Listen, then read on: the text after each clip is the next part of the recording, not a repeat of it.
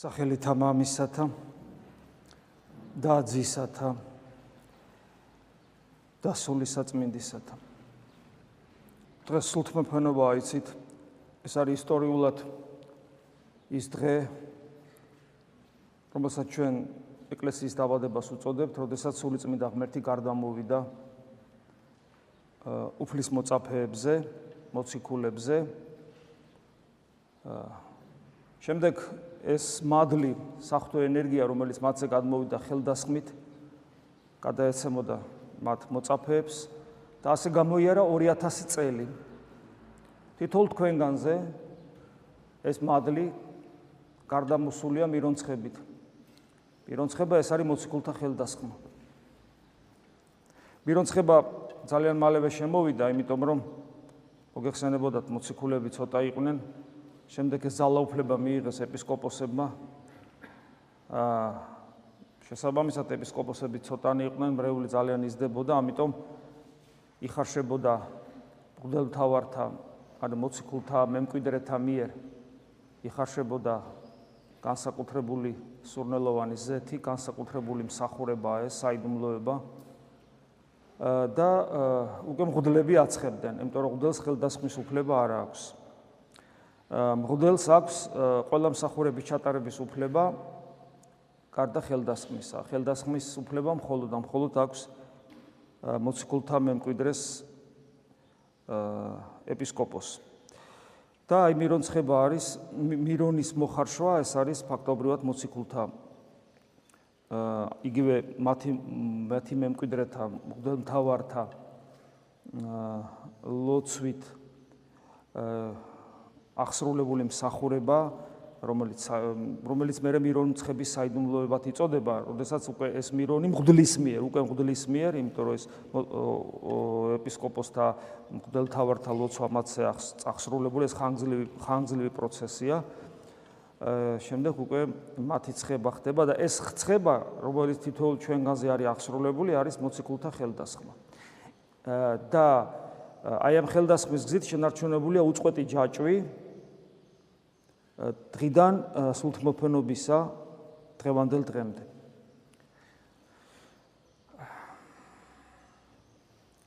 და ბუნებრივია რომ ჩვენ ვზეიმობთ ამას, იმიტომ რომ ეკლესიის დაბადების დღე ეს არის. ჯერ ერთი ეგეც საინტერესოა, რატომ იწოდება ეს ეკლესიის დაბადების დღე? ჩვენ ვიცით რომ ეკლესია ღმერთისა და ადამიანების ერთობაა. და შესაბამისად ეს ერთობა დაიწყო მაშინ, როდესაც განსაკუთრებული ერთობას გულისხმობ. როდესაც ღმერთი მოვიდა ადამიანად, იესო ქრისტე არის ღმერთი, რომელიც მოვიდა ადამიანად. მან შემოიკრიბა თავის გარშემო მოწაფეები და ადამიანებისა და ღმერთის ერთობა უკვე ეკლესიაა. მithumetes ძველი აღთქმის ეკლესია უკვე არსებობს. მithumetes ღვთისმოწყალთა განმარტებით პირველი ეკლესია მაშინ შეიქმნა, მაშინ იქიდან ეკლესია იქიდან იწყებს არსებობას, როდესაც ღმერთმა ადამს ევა შეუქმნა და უკვე ორნი და ღმერთი მათთან უკვე იყო ეკლესია. მაგრამ მაგ საუბარი ახალი აღთქმის ეკლესიაზე, რომელიც განსაკუთრებულია თავისი თავისი თვისებებით, მოდი ესე ვთქვათ. და თავისი ღმერთთან ღმერთთან ურთიერთობის განსაკუთრებული უნიკალური თვისებებით. არის ის სხვანაირი, ვიდრე ძველი აღთქმის ეკლესია იყო. და აი ეს ერთობა დაიწყო როგორც გითხარით ღმერთის ადამიანად მოსვლით, როდესაც მან მერე მოციქულები, მოწაფეები შემოიკრიბა გარშემო. ჩვენ და არ დაგვავიწყდეს რომ მოწაფეები, მოწაფეებს მადლი აქვთ მისგან, რომლითაც ისინი სასწაულთ მოქმედებენ და მისიონერობენ. მოწაფეებს მოწაფეებს უფალი აზიარებს თავის ხეულას ნაწილ ხეულის ნაწილად ხდის და ამ საიდუმლოებასაც აწესებს. მოწაფეებს ყდათით აღდგარი მაცხოვარი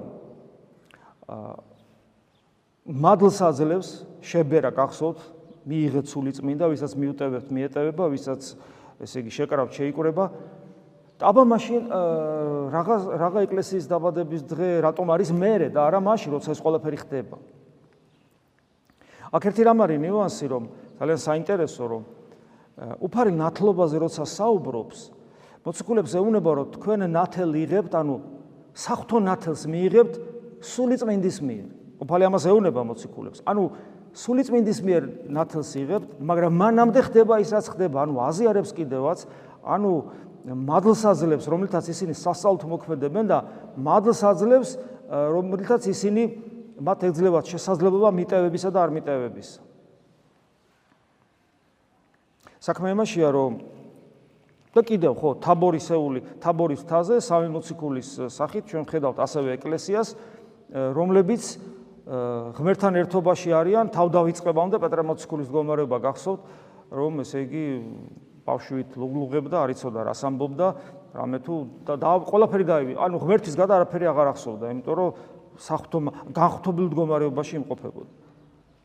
მაგრამ აქ არის კიდევ ერთი რამ, რაზეც ჩვენ წეღანას თქვით. რას ნიშნავს აბა ნათლის ღება?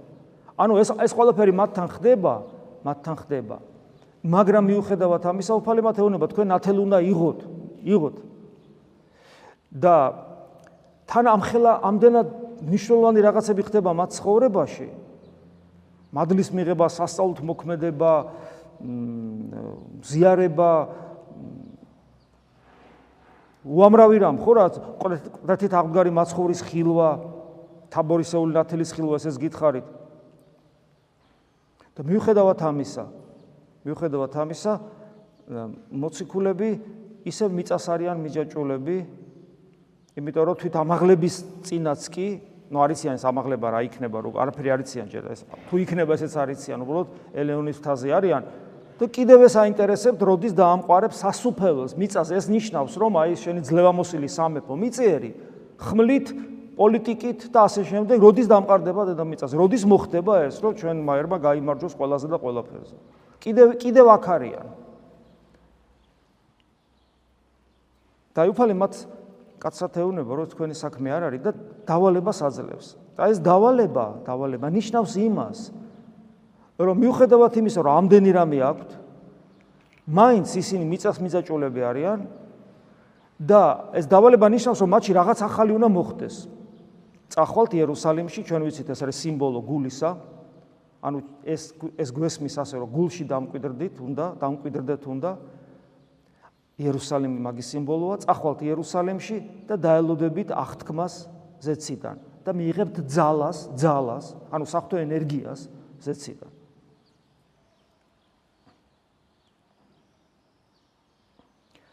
ანუ ეს ეს ყველაფერი მიანიშნებს იმას რომ სულთ მოფენობისას ხდება სხვა რამ განსხვავებული, რამდა მოციქულები განსხვავებულ მდგომარეობაში არიან. ჩვენ მე წავიკითხავთ сахарებასაც, ნახავთ თუ როგორ კავშირშია სულიწმინდა ღმერთის მიღება უფლის განდიდებასთან. უფლის განდიდება წმინდა მამები ამბობენ, უფლის განდიდება ჯვარცმით ხდება. მაგრამ ჯვარცმით იწყება, მოდი ესე ვთქვა. იმიტომ რომ სრული სრული განდიდება უფლისა ხდება ამაღლებით.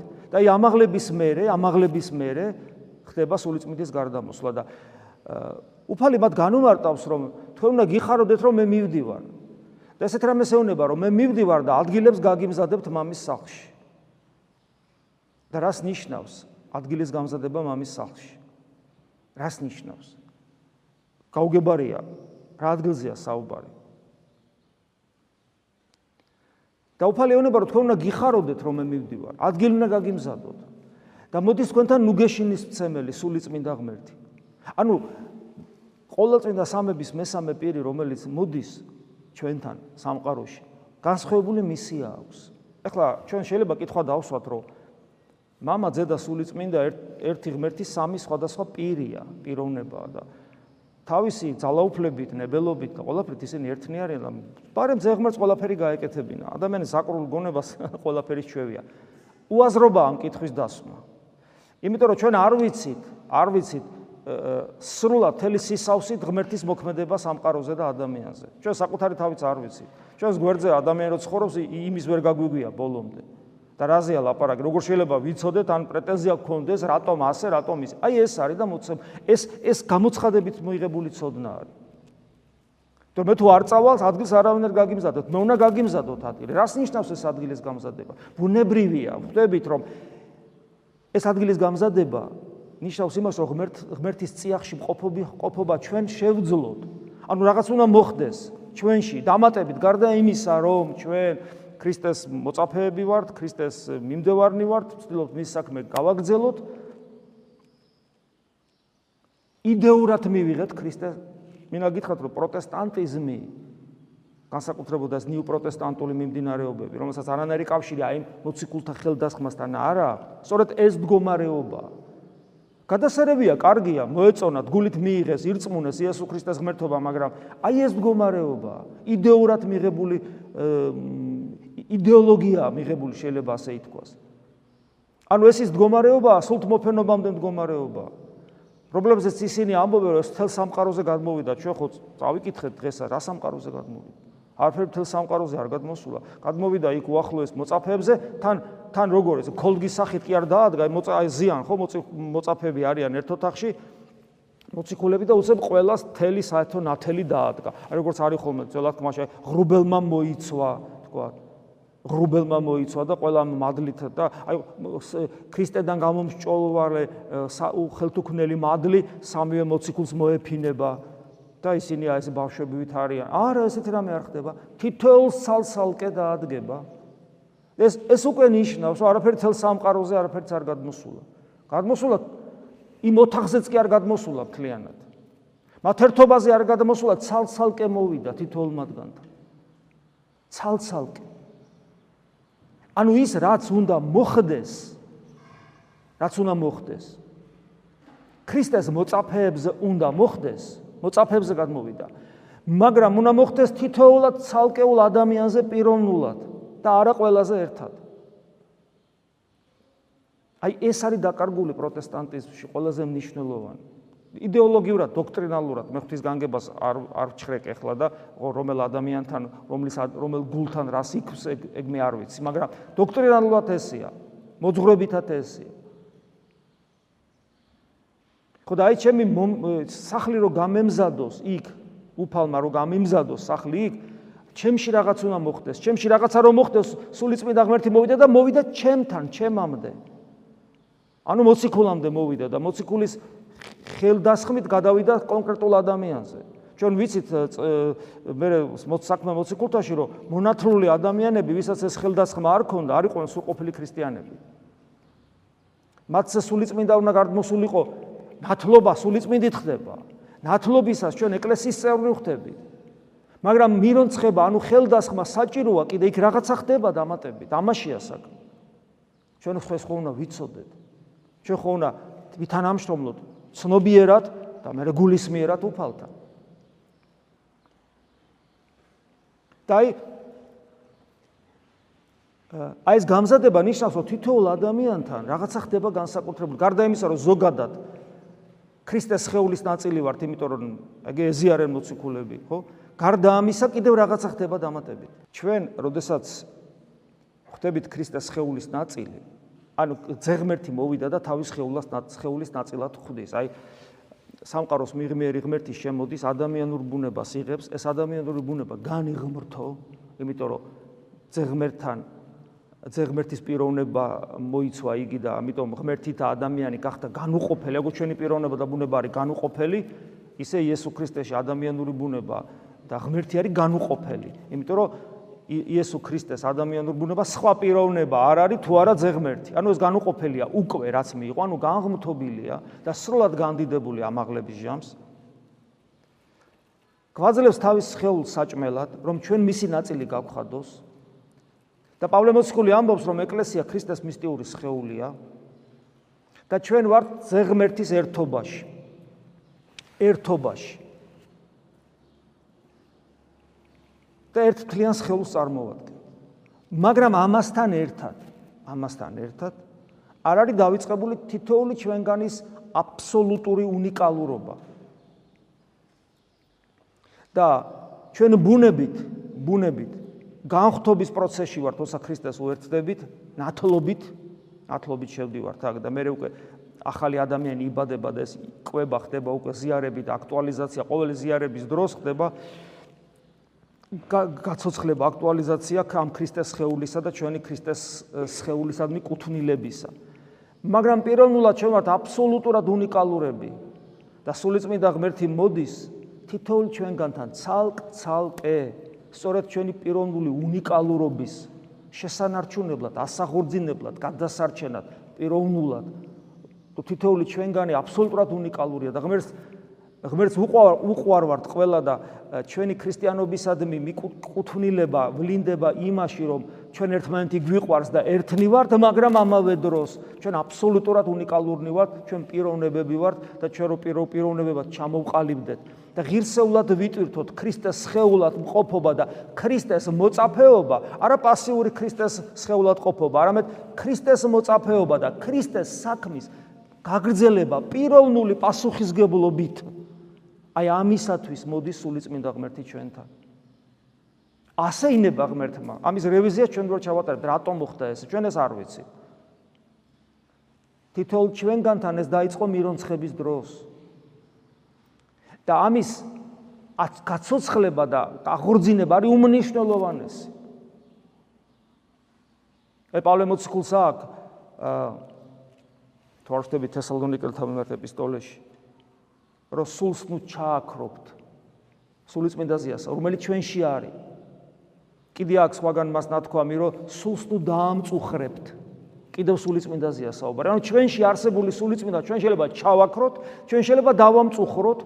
იმ შემთხვევაში თუ ჩვენ არასწორად ვიცხოვრობთ. მიუხედავად იმისა რომ ჩვენზე მოვიდა ეს პავლე მოციქული ჩვენზე ამბობს ქრისტიანებზე. ჩვენ ჩვენ ჩვენ სული გვაქვს. ეს სულიწმინდა ღმერთი გვაძლევს თავის ენერგიას, რომელიც ასევე ქრისტეს სულად იწოდება. პავლე მოციქული გახსოვთ როგორ ამბობს, ისაც სული ქრისტესი არ აქვს, იგი არ არის მისი ანუ ქრისტესი. გახსოვთ, სულიწმინდა გაიყვანა ქრისტე უდაბნოში. გაუგებარია, ხო? ზღმერთი სულიწმინდა ღმერთმა გაიყვანა, რას ნიშნავს? ეს არის ძისა და სული სულიწმინდა ღმერთის და ზღმერთის თანამშრომლობა ჩვენი გამოხსნის საქმეში. და ზღმერთი არასოდეს არ მოქმედებს მამის ნების გარეშე და სულიწმინდა ღმერთთან თანამშრომლობის გარეშე. სადაც ყოველწმინდა სამება ყოველთვის ერთად მოქმედებს, იმიტომ რომ მათ ერთი ნება აქვთ, ერთი ენერგია აქვთ, ერთი მოქმედება აქვთ. მაგრამ რაღაც განსხვავებული ნიუანსებით ჩვენ გადარჩენას აღასრულებენ. და ზღმერთის ადამიანური ბუნება უშრეტი წყაროა საფრთხომადლისა, ენერგიისა. და როდესაც უფალი საუბრობს, რას ამბობენ ადამიანები, რო უსმენენ, მასში ძალა, ძალა. თვითონ ამბობს, ჩემი სიტყვები სული, ანუ ჩემი სიტყვები ენერგია, საფრთხო ენერგია. და ის სული, რომელიც ქრისტეში მოქმედებს, თანამშრომლობს, ძე და სული თანამშრომლობს. კიდევ ვიმეორებ, ამის ამაზე მეტად სიღრმისეულად შეუძლებელია საუბარი ყოველ შემთხვევაში ჩვენთვის ამ ეტაპზე. იგივე სული წმინდა ღმერთი მოდის ჩვენთან, იმიტომ რომ ზეღმერთი როგორც ადამიანის სრულ განხთობაშია, მარჯვენით მამისა არის, ჩვენი მეოხია, ჩვენზე მლოცველია, ანუ ჩვენ ჩვენთვის მარადიული ღმერთთავარია და თითოეული ჩვენგანი თუ ჩვენ ამას გადავწყვეტ და ნებას გამოვხატავთ, ხვდებით მისი ქრისტეს სხეულის ეკლეს სხეულის ნაწილნი და სული წმინდა ღმერთი თითოეულ ჩვენგანთან თანამშრომლობას იწყებს. და კიდევ ვიმეორებ, ხვდებით არა პასიური ნაწილი, რომ ადამიანი შეიძლება პასიური იყოს, აი მოინათლა, ეზიარება, პასიურია თავისთვის არის. სული ჩამქრალი აქვს, როგორც პავლე მოციქული ამბობს. სულით მდუღარე არ არის. სულს სული შეწუხებული ყავს ეს სული სული წმინდა ღმერთია საუბარი. ჩვენში წუხ სული წმინდა ღმერთი, რომელიც ჩვენში დამკვიდრდა მირონცხების საშუალებით, ჩვენ ვაქრობთ ამ სულს. იმიტომ რომ პასიურები ვართ, ტალანტებს მიწაში ვმარხავთ. და აი ჩვენ თუ გვინდა რომ ქრისტიანები ვიყოთ ნამდვილი და რას ნიშნავს ნამდვილი ქრისტიანობა? ნომინალური წევრი კი არ ახარ ეკლესიის, უბრალოდ ეკლესიის როგორც შენობის რაღაც აგური, რომელიც თავისთვის არის და არაფერს არ აკეთებს, არამედ აქტიური მოწაფე ქრისტესი. თქვენ მოწაფენი ჩემნი ხართ, ანუ თითოეული ჩვენგანი რეალურად ამ სოფელში თავის გარშემო სოციუმში ქრისტეს საქმეს აგრძელებს. თავის შინაგანი მდგომარეობით, თავის სიტყვით და თავის საქმით და ცხოვრების წესით. ნებისმიერ პროფესიაში, ნებისმიერ საქმიანობაში. ის თავის ყოფიერებას, მყოფობას ამ სამყაროში, ამ სამყაროს ატყობს. ანუ ატყობს როგორ? ანუ დაატყობს, ანუ გავლენას ახდენს. ანუ ცვლის თავის გარშემო სამყაროს. ნათელი ამას ოფლისა და მარილი ამას ოფლისა. მარილი, მარილი ვალდებულებაა რომ ვიყოთ მარილი ამას ოფლისა და თუ არ ვიქნებით აქტიური მოწაფენი ქრისტესი ეს მარილი ეს მარილობა ჩვენი არ გამოვა და თუ მარილობა არ გამოდის და თუ მასიურად ეკლესიის მიერ არ გამოდის, ან თუ ვერ ვაკეთებ ჩვენ საქმეს, უფლის განაჩენი ძალიან მწარეა. გაკრიან გარეთ და ფეხებით გადაგივლიან. და რასაც ჩვენზე გადადიან და გადმოდიან, აი თუნდაც დღეს. ეს ჩვენი ბრალია, იმიტომ რომ ჩვენ ვერ გავაცოცხლეთ ჩვენში სულიწმინდა ღმერთი, შევაწუხეთ ჩვენში სულიწმინდა ღმერთი, დავშრიტეთ ჩვენში სულიწმინდა ღმერთი, შესაბამისად ვერ გავიზარდეთ პიროვნულად და შესაბამისად ვერ გავხდით აქტიური მოწაფენი იესო ქრისტესი. ვერ ვიმარილეთ და შესაბამისად გაყრილები ვართ და გადადიან და გადმოდიან ჩვენზე და ეს მხოლოდ ჩვენი ბრალია. მე შეიძლება მომკლან, მაგრამ ვერ გადავიდენ და ვერ გადმოვიდენ. ქრისტეს მოკლეს და სტეფანე პირველ მოწამეს მოკლეს და პავლე მოციქულიც მოკლეს და პეტრე მოციქულიც მოკლეს და ასე შემდეგ, მაგრამ ჩვენ ვერ ვიტყვით რომ მათზე გადავიდენ, გადმოვიდენ. მაგრამ ეკლესიის ისტორიას ახსოვს უამრავი მოღვაწე, რომლებზეც გადავიდენ და გადმოვიდენ. ანუ მათი ღირსება შელახეს, იმიტომ რომ ვერ იმარილეს. ჩვენ უნდა მზად ვიყოთ მოწამეობისათვის, აი თანამედროვე საქართველოს მართლმადიდებელი ეკლესია. ეკლესიის და ქრისტეს მტერს, ამას ოფლის სულს. შეიძლება მიეცეს ხელმწიფება მე მომკლას. მაგრამ მას არასოდეს არ ექნება ხელმწიფება მეღირსება შემილახოს როგორც ქრისტიანისა და როგორც მღვდლისა და თუ ეს მოახერხა ეს ჩემი ბრალია ვერ ვიმარილე და გადამიარეს და გადმომიარეს იმიტომ რომ ჩვენში არსებული სული შევაწუხეთ და ჩავაქრეთ რისი უფლება ჩვენ არ გქონდა თუ ჩვენ ქრისტიანები ვართ ამის დასტურად თუ როგორ უნდა ვიცხოვრო და ეს ყველაფერი რას ნიშნავს დღევანდელი სახარება აი უფალი სიტყვები გახსოვთ დადგა იესო და ღაღატყო, ანუ ხმამაღლა თქვა. რას ნიშნავს? ეს ცოცხალი უნდა იყოს ჩემთვის. ამას ხმამაღლა ჩემთვის ამბობს, ჩემთვის. ყურადღებას იქცევს. ანუ მე მკითხულობ სახარებას და მკითხულობ ეს მუხლი წავიკითხე მე, ის მუხლი წავიკითხე მე, შემდეგ არა, ღაღატყო, ანუ ხმამაღლა თქვა, ხმას აუწია, რომ მე თეოდორე მყურადღება მივაქციო. ღაღატყო და თქვა, უკეთო ვინმეს ვისმეს წყუროდის მოვე딘 ჩემდა და სვემდინ, ანუ მოვიდეს და დალიოს. ვისმეს წყუროდის. ეს მე თელი პრობლემა ჩვენი სულიერი ცხოვრების. მხოლოდ ერთ რამეშია. როცა ჩვენ არ გწყურია. უბრალოდ ისე რა ქრისტიანები ვართ. ქრისტიანები ისე რა. არ გწყურია. ქრისტიანობის არსი სწორედ ამაში მდგომარეობს. საფუძველთა საფუძველი ჩვენი მდგომარეობისა, ჩვენ უნდა გწყუროდეს და გშიოდეს. ლოგიკა ესეთია, ამაზე ხშირად ვამბობ. მოვიდა ის, ვინც სამყაროს შექმნა.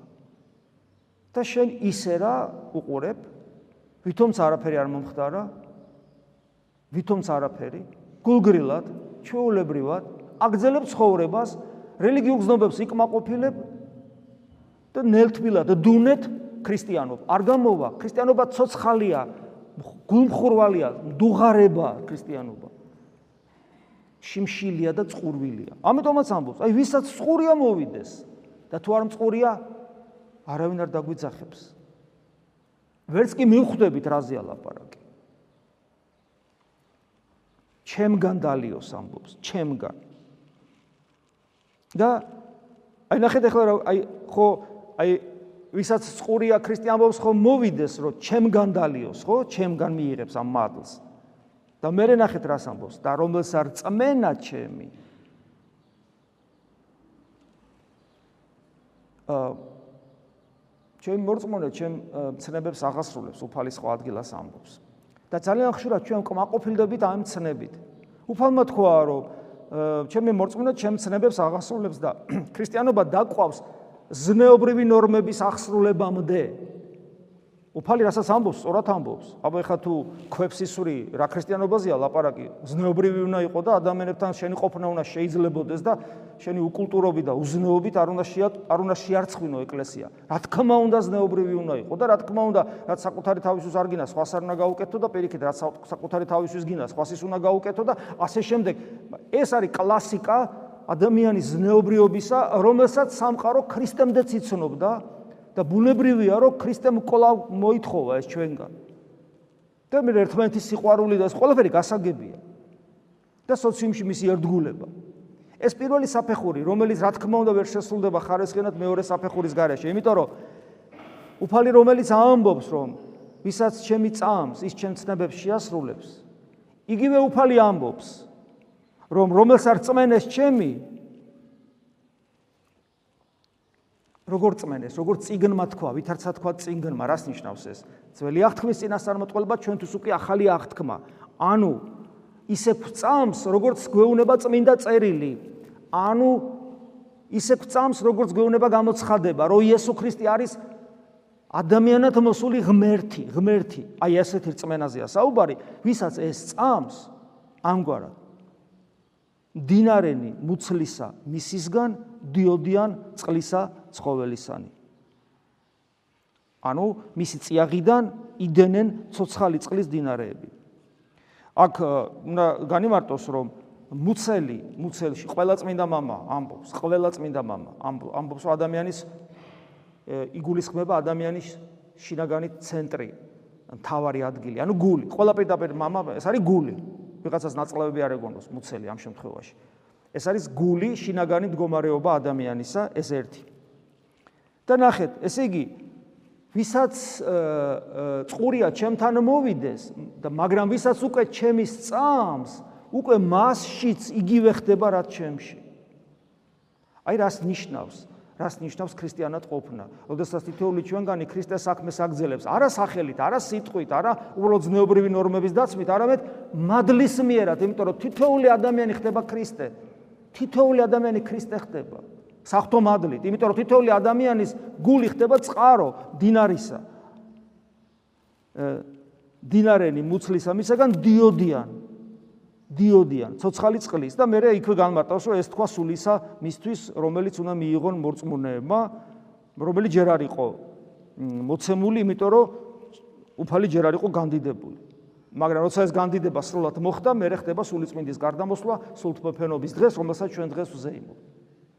სიმონ ახალი ღვთისმეტყველი ამ მუხლის განმარტებისას პირდაპირ ამბობს, რომ ნახეთ რა წერია უგეუნება ხას უსვავს, მორწმუნესო, გულიდანო, მადლის თან დინარეები, რატო წერია დინარეები, მრავლობით ამასაც ამბობენ, იმიტომ რომ წყალუხვია, ანუ მოჩქებს, უხვად მოჩქებს და სიმონ ახალი ღვთისმეტყველი მიგვანიშნებს, რომ ნახეთო მორწმუნესო, გულიდანო, უხვად უნდა მოძდიოდეს მადლის მდინარეებიო. შეუძლებელი ამას არ გზნობდესო. და თუ მორწმუნეს ეს არ აქვსო, ის მორწმუნე არ არისო და ქრისტიანი არ არისო ესე ამბობს. ეს არის სულიწმინდა სულთმოფენობის დღესასწაულის და დღეს ასევე წმინდა სამების ხსენება აი ამ დღესასწაულის პრაქტიკული მხარე. თუ ჩვენ როგორ უნდა გავითავისოთ ეს ყველაფერი?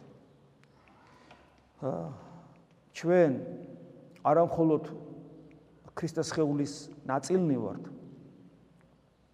არამედ სულიწმინდა ღმერთი მოდის ჩვენს გულში, რომელიც მირონცხებით დაიწყო და ჩვენთან თანამშრომლობს.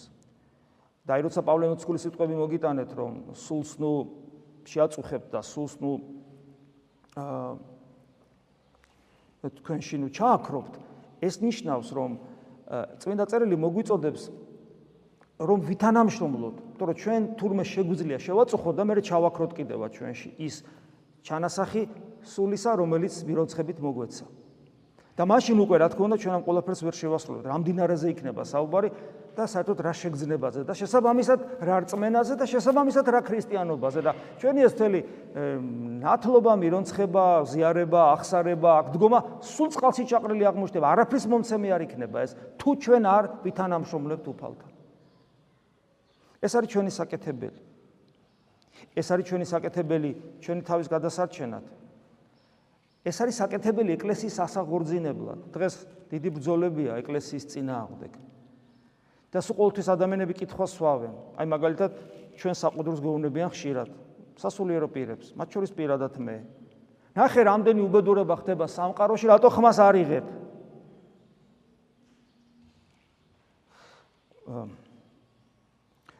ანუ ხმა როგორ ამოვიღო რომ შევაფასო პოლიტიკა ჩვენი სახელმწიფოსი? ჩვენი საგარეო პოლიტიკა, შინაგანი პოლიტიკა, ეკონომიკური პოლიტიკა? რა შევაფასო ჩვენი ერის ზნეობრივი მხარე?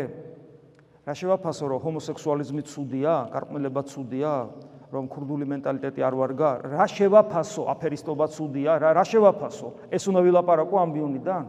და თქვა ვილაპარაკე მე? მე? და არც არაფერი. ყველამ თავის საქმე უნდა აკეთოს. და მე ღრმად მწამს, რომ ყოველი სასულიერო პირის საკეთებელი აი ამის თქმა, რაზეც ჩვენ საუბრობთ. იმიტომ რომ თუ ჩვენ ქრისტიანები არ გავხდებით, ველაპარაკოთ ერთმანეთზე, შავი რო შავია, თეთრი რო თეთრია. დიახა, ცუდია, რაც ჩამოთვალეთ, ცუდია, კარგი, კარგია, ცუდი, ცუდია და რამე არაფერი არ შეიცვლება. ჩვენ ძალა არ გვექნება ამ ყველაფრის რეალიზებისათვის. და ჩვენ გვავიწყდება, გვავიწყდება, რომ ამ ბოროტების უკან რომელიც ჩვენ ერზია მოსული, რა დგას? ეს არის თელი ჯოჯოხეთური მანქანა მომართული, რომელსაც ვერაფრით ვერ დაამარცხებ, იმიტომ რომ არაფერი არ აგვაქვს. არაფერი არ აგვაქვს. არც ინტელექტუალურ დონეზე, არ აღარც კულტურულ დონეზე აღარ აგვაქვს აღარაფერი. არც მეცნიერულ ტექნიკურ დონეზე, არც სამხედრო დონეზე არაფერი არ აგვაქვს. ჩვენ იმ ზნეობაც არ აგვაქვს, რომ პატრიოტიზმი იყოს ჩვენში და ერთად ვიდგეთ. არაფერი არ აგვაქვს. ერთი რაც გვაქვს ჯერ კიდევ ეს არის სწორი სარწმუნოება. და თუ ეს არ გაცოცხლდა ჩვენში, ჩვენ მომსწრენი ვიქნებით. არა იმისა, რომ ვიღაცა ჩვენ მოგვკლავს, არამედ ჩვენ მომსწრენი ვიქნებით ჩვენი ერის სუიციდისა, რომელიც ჩვენ თვალწინ ხორციელდება და უფრო და უფრო დაჩქარდება. და ის რომ თქვათ რომელიმე მღვდელმა გამოვიდეს და პოლიტიკურ და ზნეობრივ საკითხებს შეეხოს რომელიც რომელიც ესე იგი უხვათ არის ჩვენელში არაფრის მომცემი არ იქნება იმიტომ რომ ჩვენ თუ ქრისტიანები არ გავხდებით ჩვენ თუ ჩვენ შიგნით ჩვენში არ მოვიხვეჭთ სულიწმინდის მადლს და არ ვიქნებით მარილი ამას ოფლისა. არაფერს აზრი არ ექნება და ვერაფერს ვერ გავაკეთებ. პოლიტიკოსმა თავის საქმე აკეთოს მორალისტმა მორალი იქადაგოს მეცნიერმა თქვა თავის მეცნიერებას შეუწყოს ხელი და ასე შემდეგ, მაგრამ სასულიერო პირებმა ქრისტე ვიქადაგოთ ჩვენი პირადი სინანულით, უღირსების განცდით, მაგრამ იმ ვალდებულებით, რომელიც გვაქვს. ეს არის ჩვენი საკეთებელი და ბუნებრივია თლიანად სამრელო საკეთებელი და ყველა ქრისტიანის საკეთებელი. გილოცავ სულიწმინდის ოფენის ყოვლადწმინდა სამების დღეს ასევე. და რა ვიცი ჩვენი მართლმადიდებელი საერთოდ სოფლიო ეკლესიის დაბადების დღეა შესაბამისად საქართველოს მართლმადიდებელი ეკლესია როგორც ორგანული ნაწილი სოფლიო ეკლესიისა ჩვენი ეკლესიის დაბადების დღეც არის და ღირსეულად აგვეღნიშნოს ჩვენს კულტში ამინ. მადლი უფლისა ჩვენისა იესო ქრისტეს და სიყვარული ღვთისა და მამის და ზიარება სული საწმინდისა იყოს თქვენ ყოველთა თან Amen.